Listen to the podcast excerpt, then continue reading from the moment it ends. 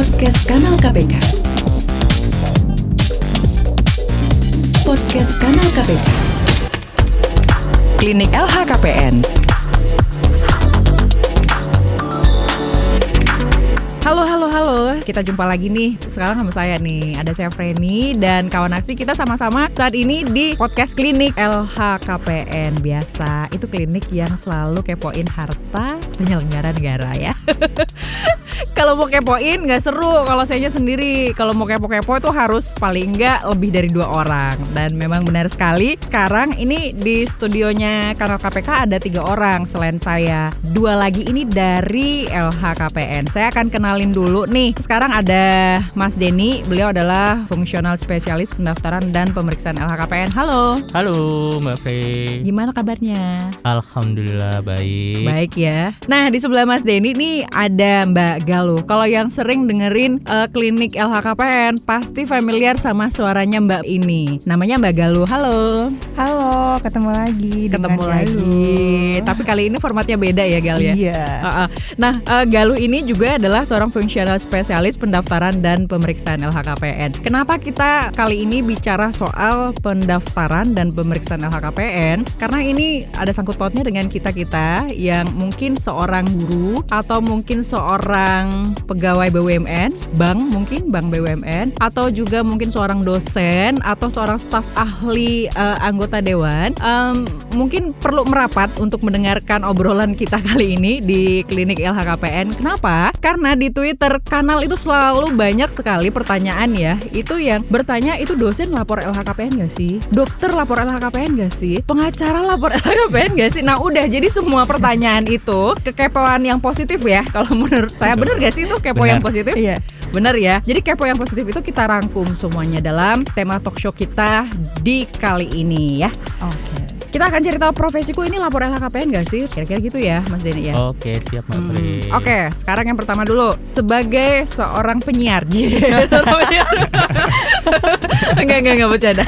Jadi sebenarnya nih kalau seorang komisaris atau pejabat BUMN atau BUMD, dia wajib nggak sih menyampaikan LHKPN? Oke kalau untuk komisaris Baik komisaris di BUMN maupun di BUMD Merupakan wajib LHKPN Jadi setiap tahun yang bersangkutan tuh harus lapor LHKPN Nggak boleh sampai enggak tuh Kalau dia menjadi komisaris di BUMN maupun BUMD Betul. Oke. Termasuk jabatan yang wajib lapor. Tapi kalau dari instansinya itu ternyata nggak ada peraturan, kadang kan ada tuh peraturan sendiri yang diatur di Yes. instansinya. Nggak ada kewajiban, itu memang tetap harus lapor atau gimana? Kalau- Tetap karena di Undang-Undang 28 itu sudah ada ketentuan bahwa pejabat yang memiliki fungsi strategis salah satunya adalah komisaris dari BUMN maupun BUMD.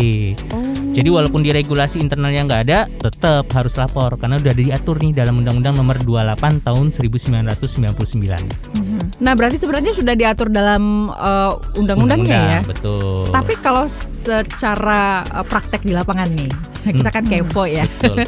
Praktek di lapangannya bener nggak sih bahwa seorang komisaris atau pejabat BUMN BUMD ini beneran lapor? Kalau kita memang kan di LHKPN kami punya eh, daftar instansi mana aja yang harus wajib lapor gitu ya. Jadi kalau misalkan ternyata ada komisaris atau jabatan yang pejabat BUMN yang dia nggak lapor Hmm. gitu karena mungkin tidak tahu atau tidak diatur dalam regulasinya, pasti dari kita juga akan terus memantau gitu, memonitoring, Hmm. kirim surat gitu sih. Jadi pasti dari kitanya kepantau. Betul. Oh. Jadi dari kitanya akan ada proses eh, pemantauan atau monitoring khususnya untuk jabatan komisaris dan direksi dari BUMN maupun BUMD. Hmm, jadi udah clear ya.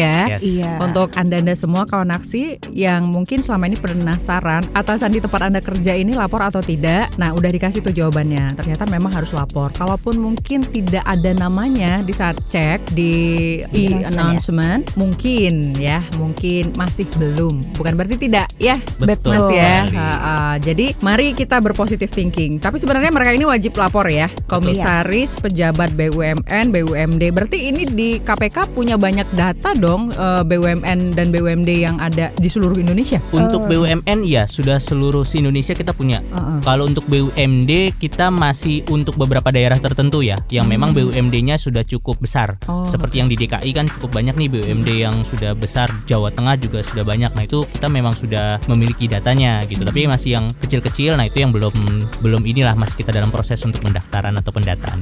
Oke, tapi kalau untuk tingkat nasional itu sudah pasti ya. Sudah pasti. Sudah pasti. Oke, selanjutnya seorang komisaris atau pejabat tinggi anak perusahaan BUMN atau BUMD apakah wajib menyampaikan ILHKPN? Jadi ini anak perusahaan BUM BUMN-nya ya atau BUMD-nya. Nah, ini dia punya kewajiban menyampaikan ILHKPN nggak? Nah, kalau untuk anak perusahaan memang dia masih ikut dalam eh, regulasi internalnya induk perusahaannya nih, Oke. Mbak. Jadi kalau memang diatur, tapi mostly diatur eh, untuk jabatan-jabatan strategis, Hmm. kemudian jabatan-jabatan pimpinan tinggi dalam satu eh, BUMN atau anak eh, usahanya itu eh, biasanya diatur untuk menjadi wajib lapor LHKPN. Gitu. Bener. Jadi kalau anak perusahaan itu kadang-kadang suka jadi dilema karena mereka selalu merasa, Mas ini saya cuma di anak perusahaan nih komisarisnya gitu kan. Cuma anak ya, Masuk anak gimana bawah nih saya gitu. harus lapornya gitu kan. Jadi eh, itu yang kadang-kadang suka menjadi pertanyaan ya bagi banyak pihak Hmm. khususnya para komisaris di anak perusahaan. Nah, memang di setiap instansi khususnya di BUMN maupun BUMD biasanya mereka sudah me- mendeklarasikan tuh bahwa direksi maupun komisaris di anak perusahaan tetap dianggap sebagai wajib LHKPN. Jadi Gitu. sebenarnya nggak ada nggak ada alasan lagi ya. Betul, Iya. tidak ada Oke. alasan lagi untuk Tapi itu uh, kalau dari tadi kan katanya data yang dimiliki itu data BUMN yang mungkin skalanya nasional gitu ya. Betul. Berarti mungkin yang masih uh, terdata itu yang anak dari BUMN ya. Kalau BUMD mungkin belum semuanya juga ya. Ya, betul. Hmm, Oke, semoga ke depan semakin banyak yang didata, semakin besar kesadarannya para komisaris-komisaris ini ya. Amin. Walaupun Iya. kemudian dia uh, katanya anak perusahaan BUMN nggak ada pengecualian. Betul sekali. Mau anak jelas- kandung, anak tiri. Iya. Anak kandung, anak tiri, anak bawang, anak emas gitu tetap ya. Namanya anak-anak harus lapor. Iya.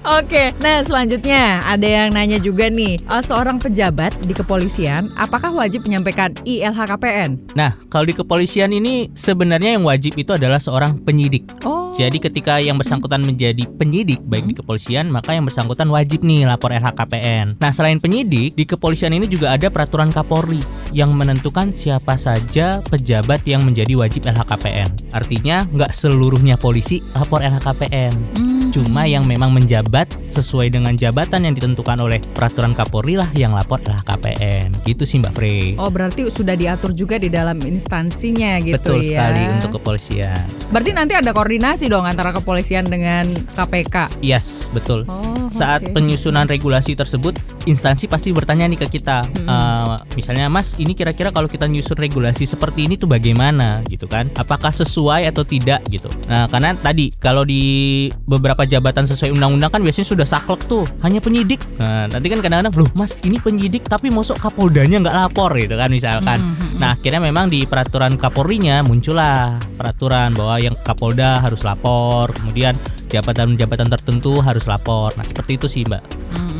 Mungkin Kapolda-Kapolda ya itu ya Iya, masuk betul. di antaranya. Oke, selanjutnya, jika aku seorang pejabat TNI, darat, laut dan udara, apakah wajib menyampaikan ILHKPN? Mereka wajib nggak sih? Atau seperti eh, kepolisian ada peraturan sendiri di dalamnya? Betul. Pada prinsipnya sebenarnya untuk TNI sama seperti polisi, tetap ada aturan internal yang mengatur. Eh, cuman eh, kalau mungkin tadi eh, lebih jelas gitu ya, kalau di polisi kan memang ada jabatan khusus yang memang harus wajib yaitu penyidik. Baru nanti untuk eh, jabatan lain akan disesuaikan gitu. Tapi kalau TNI memang betul-betul eh, dari internalnya mereka regulasinya gitu yang mengatur jabatan apa saja yang harus lapor LHKPN gitu sih. Darat, Mbak laut, udara semuanya begitu ya? Iya. Yap. Oh, jadi nggak ada yang spesial seperti kayak di kepolisian penyidik harus lapor gitu ya? Nggak ada sih. Nggak ada ya. Oh. Oke. Berarti harus lapor. Jadi yang suka bertanya-tanya ini harus lapor ya, seperti yang disampaikan sama Mbak Galuh tadi. Sekarang lanjut nih. Jika aku seorang DPR atau DPRD, apakah wajib menyampaikan ILHKPN? Kalau di sudah jelas pasti harus lapor. Betul. Kenapa? Karena ini termasuk sebagai penyelenggara negara yang membidangi bidang legislatif gitu.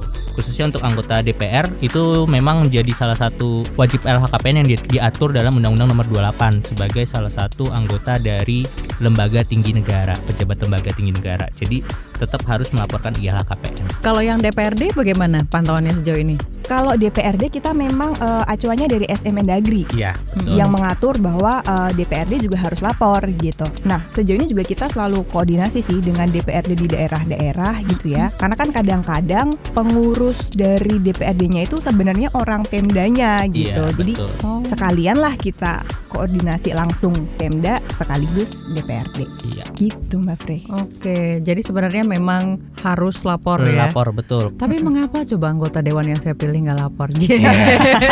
Nah, Gimana tuh jawabannya Mas Denny? jadi gini, Deket Kalau- loh kotanya dari Jakarta ya. iya betul sekali.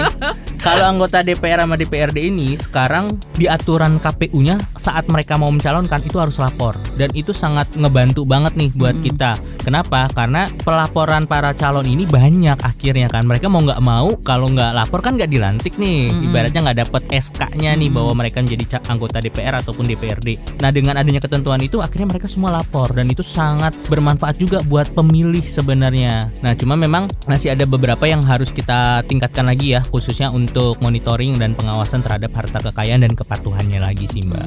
Jadi buka kartu ya Mas Den. Iya. Sebelum ada peraturan KPU, Iya. jarang ada yang lapor. Betul. Jarang ada yang lapor. Giliran udah, Udah ada. udah, Udah benar-benar diatur sama KPU Uh-uh. baru baru Baru mulai. lah. Oke. Itu per kapan sih Mas? Kewajibannya itu baru pas pileg kemarin 2019. 2019. Nah, itu oke, barulah baiklah. seluruhnya diwajibkan tuh Hmm. seluruh calon anggota DPR maupun DPRD lapor LHKPN. Oke, kawan aksi yang pengen kepoin.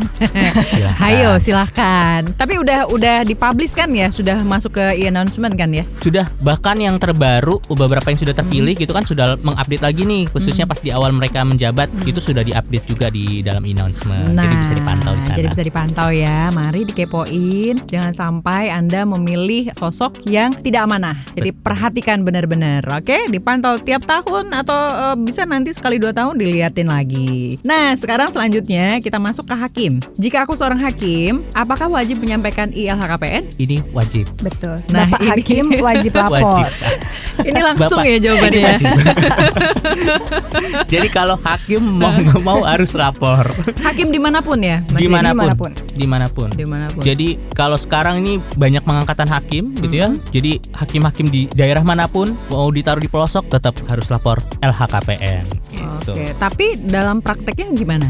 Kalau tadi kan anggota dewan itu Siap. ada KPU tuh Betul. yang jadi yang Acuannya ah, ya. acuannya yang akhirnya membuat mereka berbondong-bondong lah seperti Galuh bilang tadi sebelumnya sih jarang Iya, banget betul. DPRD itu lapor gitu kan ya. Nah kalau yang hakim nih gimana? Kalau hakim karena ada surat dari sekretaris MA dan ke- Mm-hmm. eh, ketua MA-nya sendiri sangat concern terhadap kepatuhan LHKPN sehingga mau tidak mau saat kita menjabat sebagai hakim harus lapor LHKPN. Kenapa? Karena kalau nggak lapor nanti pas mau promosi atau mutasi bakalan kesulitan tuh Mbak. Oh, Jadi- berarti udah diatur punishmentnya Nah, ya. Jadi ada sanksinya nih kalau yang bersangkutan nggak patuh dalam menyampaikan LHKPN. Gitu. Jadi sekarang walaupun baru gitu ya, kalau kita lihat yang masuk-masuk baru ini kelahiran 90-an sih gitu kan, masih pada muda-muda lah, hakim-hakim muda tuh semuanya patuh untuk menyampaikan LHKPN. Oke, menanam kepatuhan di saat masih usia muda. Muda, betul sekali. Kalau hakim ditanyain nggak lengkap rasanya kalau nggak nanyain? Jaksa. Nah kalau Pak Hakim dan Pak? Jaksa kan Iya Pak. Hakim dan Pak Jaksa Nah gimana nih Pak Jaksa apakah diperlakukan sama? Eh, sama. Jadi jaksa juga wajib lapor LHKPN gitu. Eh, secara prinsip sebetulnya kurang lebih eh, aturannya pun eh, kebijakannya pun sama kayak Dengan hakim, gitu. Oke, Jadi kalau di saat dia akan pindah Iya. atau kenaikan Itu akan diminta tuh bukti diminta lapornya. bukti lapornya. Oke. Jadi berlaku sama antara hakim dan jaksa. Sekarang Jika aku seorang pejabat di instansi dan lembaga pemerintah pusat atau daerah, ini mungkin maksudnya yang ada di kementerian kali ya. Betul. Yang ada di kementerian, yang ada di Pemda, yang ada di Pemkot, begitu.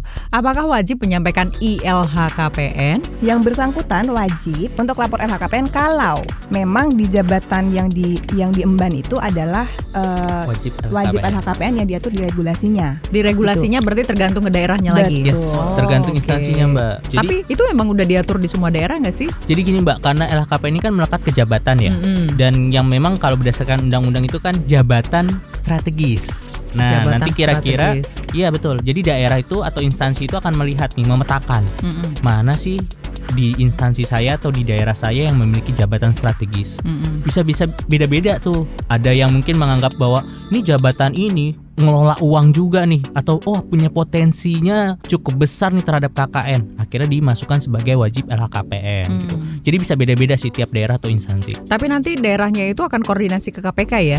Iya. Dia akan menyampaikan eh, bagian-bagian mana saja yang memang harus menyampaikan LHKPN. Betul, sekali. Seluruh daerah udah Sudah daerah sejauh ini 34 provinsi Sudah. dan 548 kabupaten kota sudah. Uh, keren. Tinggal sekarang memantau apakah benar-benar ngelapor Lapor. atau enggak gitu Benar ya. sekali. Oke, jadi kalau Anda merasa punya jabatan strategis, jangan mentang-mentang di daerah atau di kabupaten lalu bilang, "Oh, saya nggak wajib kok." Harus kembali lagi lihat-lihat ya, jangan ngeles. Oke, sekarang saatnya kita masuk pekerjaan yang lebih ke profesional nih. Kalau tadi kan lebih ke tatarannya ke pemerintah ya, atau mereka-mereka yang terkait dengan hukum. Sekarang kita lihat kalau seorang dokter. Nah ini pertanyaan sempat beberapa kali masuk di twitternya kanal. Kalau seorang dokter, apakah wajib menyampaikan ILHKPN? Pertanyaan ini paling banyak masuk itu di saat gratifikasi dokter ya, yang Iya. eh, terkait Oh. dengan obat-obatan. Betul. Ah, ah, ini sempat banyak yang nanya. Jadi sekarang saya kembalikan kepada Mas Denny dan Mbak Galuh. Boleh di kita Ah, sekarang. iya.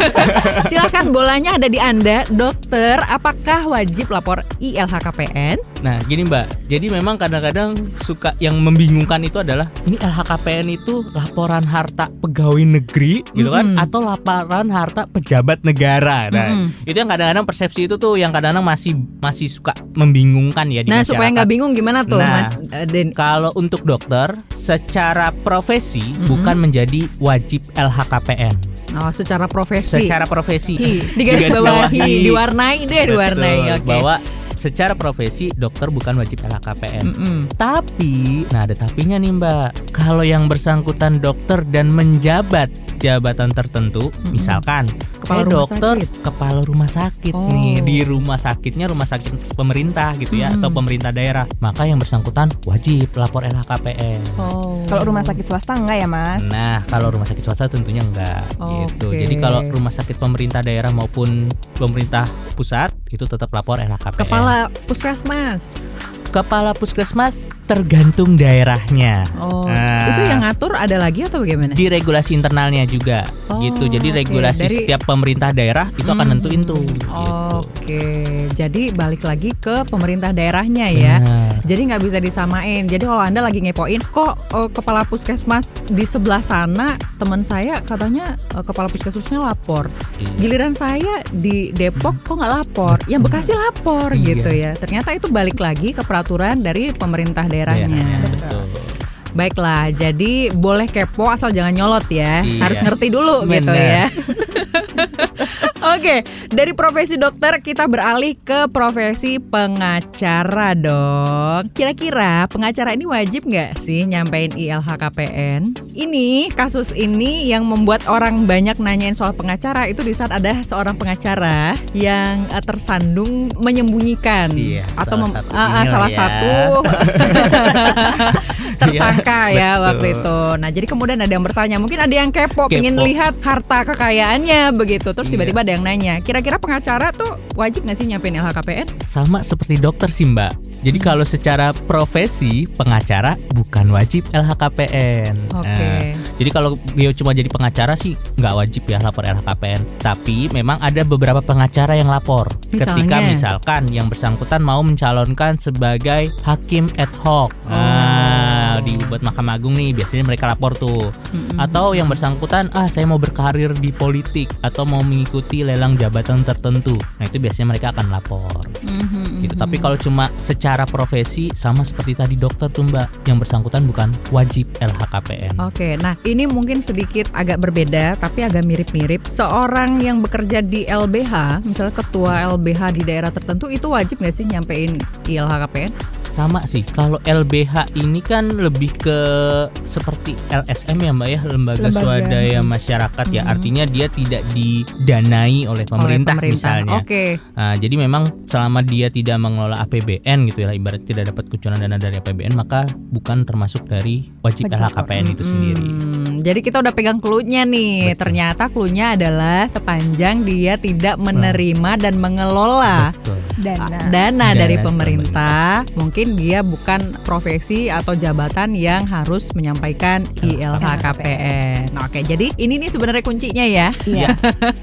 Ingat-ingat yang ini. Jadi kalau misalnya Anda kemudian adalah seorang guru, tapi kalau ternyata yang diterima itu adalah dana atau eh, apa anggaran darinya pemerintah, berarti mulai waspada. Iya. Apakah Betul. Anda bagian yang ditetapkan oleh pemerintah daerah untuk lapor atau Betul. tidak gitu ya? Betul sekali. Sip, sekarang lanjut ke dosen.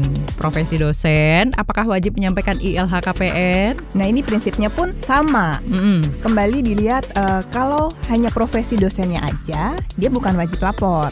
Oke. Tapi kalau dosennya itu ternyata rektor, menjabat juga iya sebagai rektor, Dekan. Dekan. dekan. Nah, Oke. itulah yang baru Menjadi eh, wajib. menjadi wajib. Tapi memang selama ini itu berjalan, maksudnya ada rektor-rektor yang menyampaikan ILHKPN-nya, Untuk- terutama untuk universitas negeri ya. Yes, kalau untuk universitas negeri seluruhnya sih sudah kita punya pengelolaannya masing-masing. Jadi Oh. seluruh kampus negeri itu udah ada tuh mbak eh, unit pengelola LHKPN-nya. Nah untuk tingkat kepatuhannya bagaimana? Alhamdulillah sih juga sudah cukup baik gitu. Untuk kampus negeri itu udah cukup patuh lah untuk melaporkan Oke. LHKPN setiap tahun. Tapi kalau misalnya yang swasta ada pengen ikutan juga itu gimana? Nah kalau swasta ini biasanya tadi dalam rangka tertentu ya. Hmm. Misalkan saya mau ikut dalam lelang jabatan Mm-mm. tertentu gitu ya. Nah, itu biasanya nanti mereka akan lapor LHKPN langsung ke kita tuh, Mbak. Oh, gitu. Kalau yang gitu. swasta-swasta itu. Hmm. kebanyakan kasus swasta memang gitu ya, Iya. baru akan menyampaikan LHKPN kalau Iya. baru akan menduduki jabatan di pemerintah. atau mungkin dosen ini jadi staf ahli Yes, begitu ya di betul. kementerian lalu dia baru ngurus ILHKPN oke baiklah jadi yang pingin kepoin dosennya dilihat-lihat dulu dosennya ini punya kewenangan apa di kampus dan kampusnya itu swasta atau negeri gitu ya. Nah, ini juga bertanya nih, pejabat di partai politik wajib nggak sih menyampaikan ILHKPN? Ini saya juga kepo. Iya. Kenapa? Karena partai kan sekarang nerima anggaran ya. Gimana ini? Ini cukup pusing juga menjawabnya. Akhirnya bikin Mas Jadi Iya. pusing karena dari tadi kayaknya lempeng banget ngejawab Kayaknya bisa ngejawab saya. semua Iya, gitu. bener-bener. bener. Jadi gini, Mbak, kalau pejabat di partai politik, nah ini biar kaget dulu nih. Wajib lapor LHKPN. Nah. ketika yang Ya, bersangkutan pakai ketika. Tetap ada syarat. ada syaratnya mbak ketika yang bersangkutan jadi anggota DPR atau anggota DPRD Hmm. atau pejabat publik lainnya gitu Betul. jadi atau Oke. menteri. nah itu wajib tuh LHK wajib lapor LHKPN tapi kalau misalnya eh, saya hanya menjadi sekjen di partai A nah itu kan Mm-mm. berarti yang bersangkutan tidak perlu melaporkan LHKPN gitu sih mbak Begitu ya. Iya. Berarti Mas Denny itu sepanjang dia kemudian jadi pejabat publik dia harus lapor ya. Iya, Tapi kalau kalau masih pengarah eh, masih pengurus kok pengarah sih, yang dia masih pengurus partai doang eh, itu nggak nggak Iya, wajib betul lapor. sekali Oh, jadi oke. kalau udah jadi pejabat publik baru lapor LHKPN Jadi masih ada yang bisa selamat ya. Oke, selanjutnya ini kepala desa. Nah, ini Galuh pasti udah udah hafal banget nih pertanyaannya. Kepala desa, kepala desa ini kan dia juga nerima aliran dana desa yang harus Benar. mereka kelola. Jadi Betul. banyak yang bertanya gitu, kok bisa sih kepala desa itu nggak lapor LHKPN? Kan dia mengelola dana desa dari pemerintah. Nah, saya balikin lagi nih bola panasnya ke Mas eh, Denny dan Galuh. Kepala desa ini lapor LHKPN gak sih? Tadi kan masyarakat udah tahu ya bahwa Ah. sebenarnya itu jabatan kepala desa bukan jabatan yang harus harus lapor LHKPN. Hmm. Itu benar sebetulnya. Tapi ada beberapa instansi pemerintah daerah yang mewajibkan kepala desanya untuk lapor juga sebenarnya gitu. Jadi memang kalau secara kembali lagi undang-undang di dalam undang-undang tidak diatur bukan berarti jabatan itu sebenarnya nggak wajib lapor Hmm, gitu. Jadi tetap kembali dilihat dari regulasi instansinya juga. Tapi sebenarnya. sampai saat ini KPK sudah pernah nerima ada laporan ILHKPN dari kepala desa? Ada di beberapa daerah ya, di daerah wilayah Sulawesi itu Uh-uh. ada eh, ada pemerintah daerah yang mewajibkan kepala desanya untuk lapor LHKPN, Hmm. khususnya kepala desa yang statusnya sebagai ASN ya. Kan ada Oh, kepala desa iya, biasanya iya, ada iya. yang Ha-ha. ASN, Hmm, ada yang bukan gitu ya.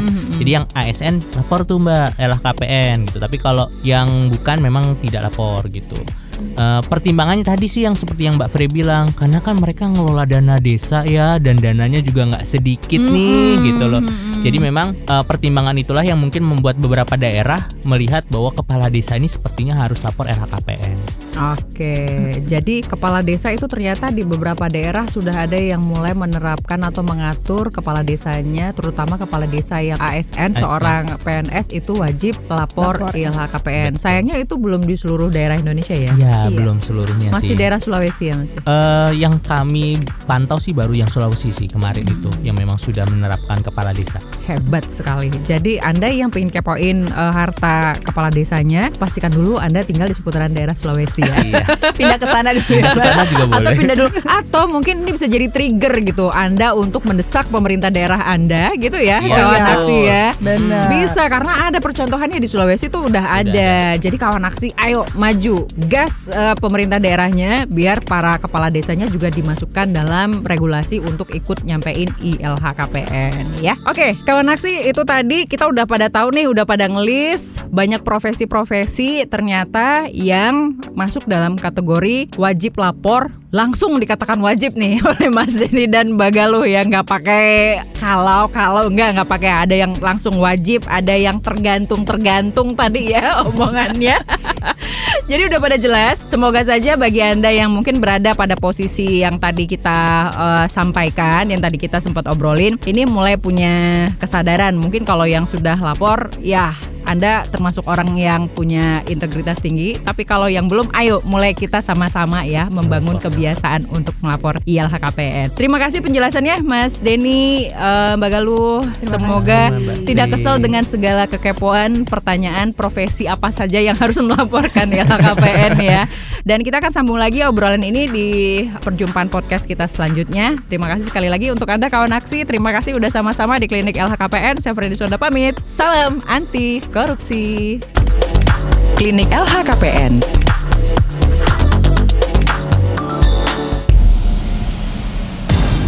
Podcast Kanal KPK. Podcast Kanal KPK.